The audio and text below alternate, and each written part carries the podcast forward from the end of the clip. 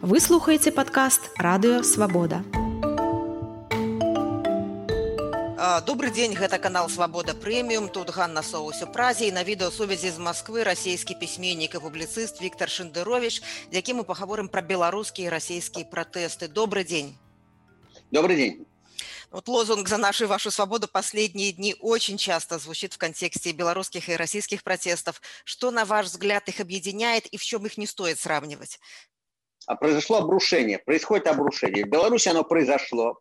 Я имею в виду не контроль, э, силовой контроль власти за страной. Я имею в виду некоторое ментальное э, обрушение. Вот был лидер страны. Вот для многих он был лидером страны, для многих он был батька. Все, нет никакого батьки, зафиксировано. Есть нелегитимный силовой лидер, есть чудовище, которое просто контролирует эту территорию, не дает силы, не дает себя отстранить от власти и пытается запугать. Это же происходит с, сегодня с Путиным.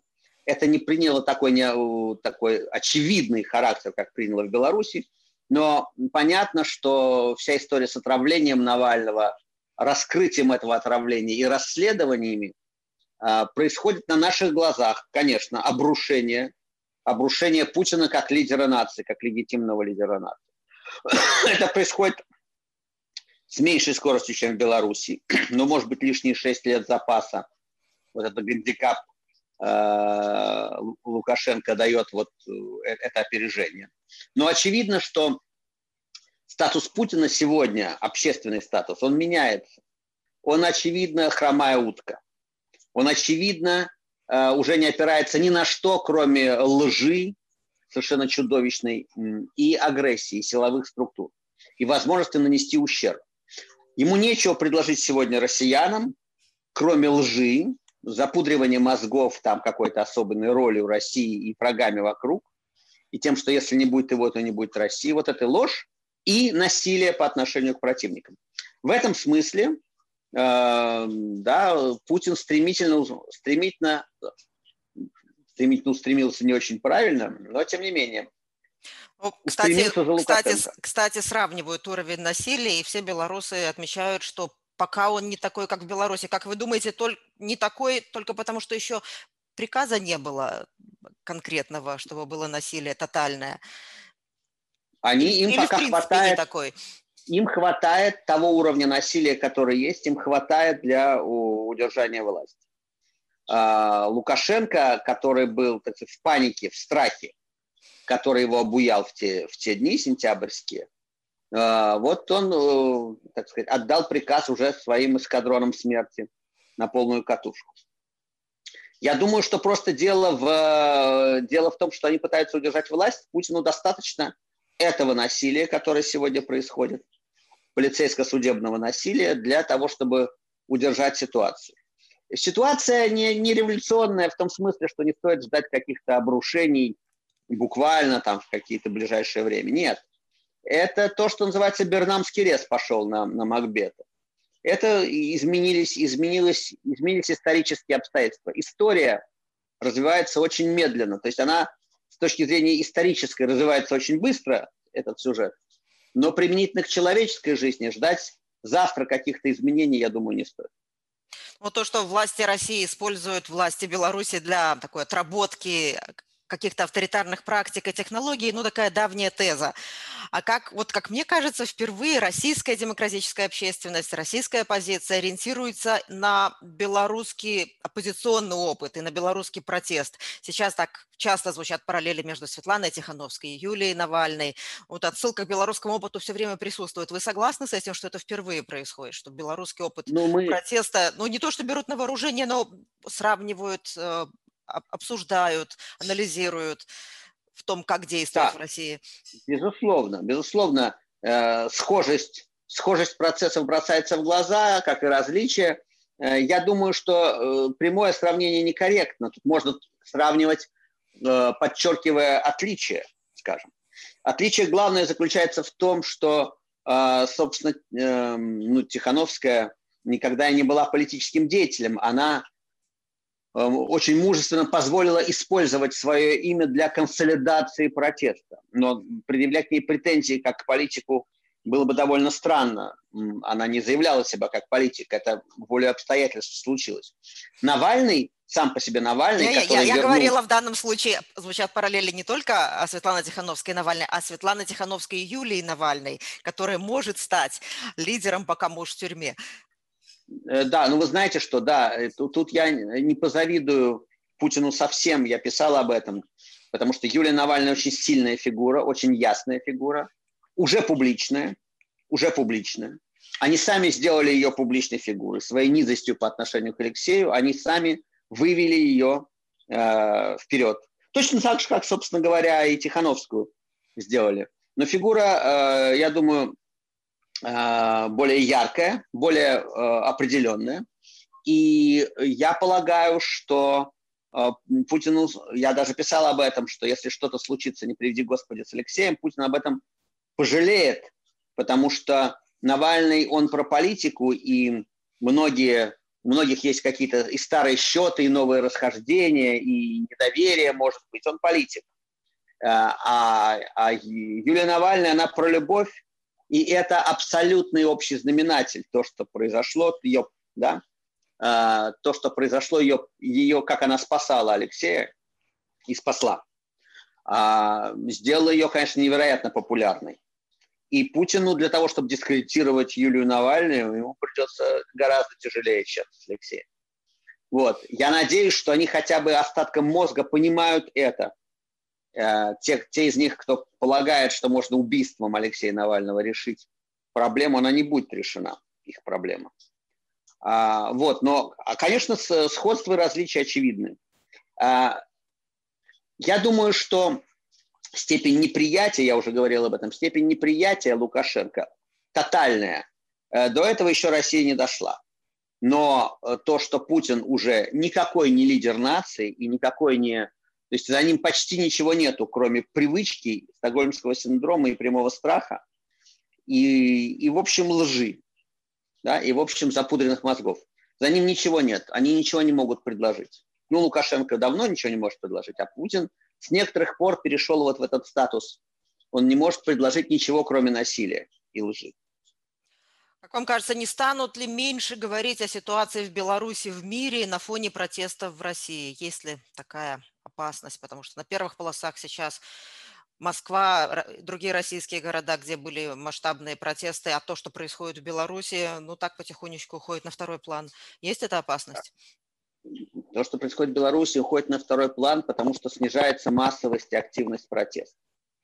Потому что э, у всего есть оборотная сторона.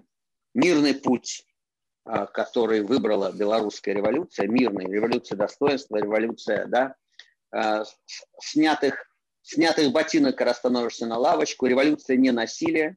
Э, в качестве революционной тактики она, конечно, проигрывает прямому революционному насилию. Она может выиграть на длинной дистанции, а, и это выбор, национальный выбор, это национальный характер, национальный выбор.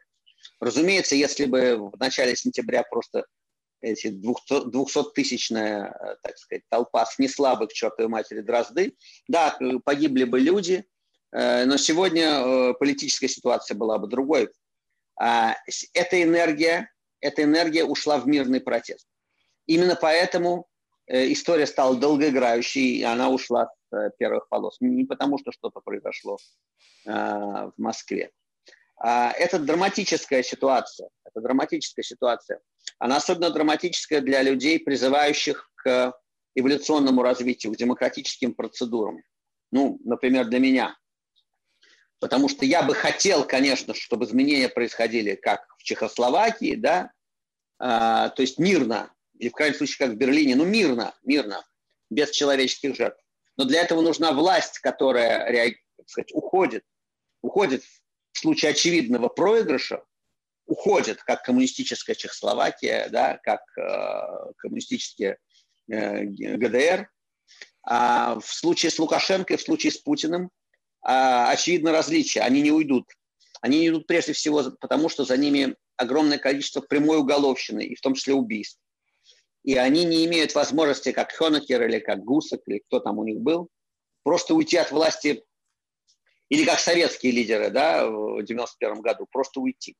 Этого выбора нет. Это означает, что они будут э, до последнего сопротивляться.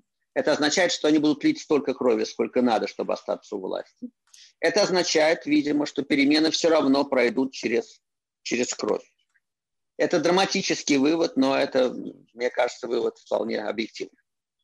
Как вам кажется, на фоне протестов в России поддержка Путиным Лукашенко будет усиливаться, ослабляться, останется прежней?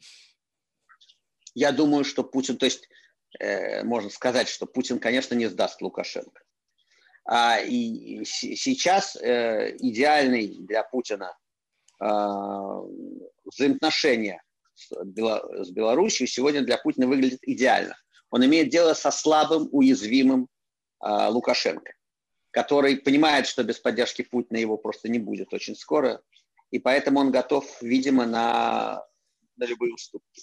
Это идеальная для Путина позиция. Он не хотел бы ни сильного Лукашенко, ни тем более, разумеется, э, Белоруссии, которая смотрит в Европу, смотрит, так сказать, э, смотрит в сторону прав человека европейских ценностей.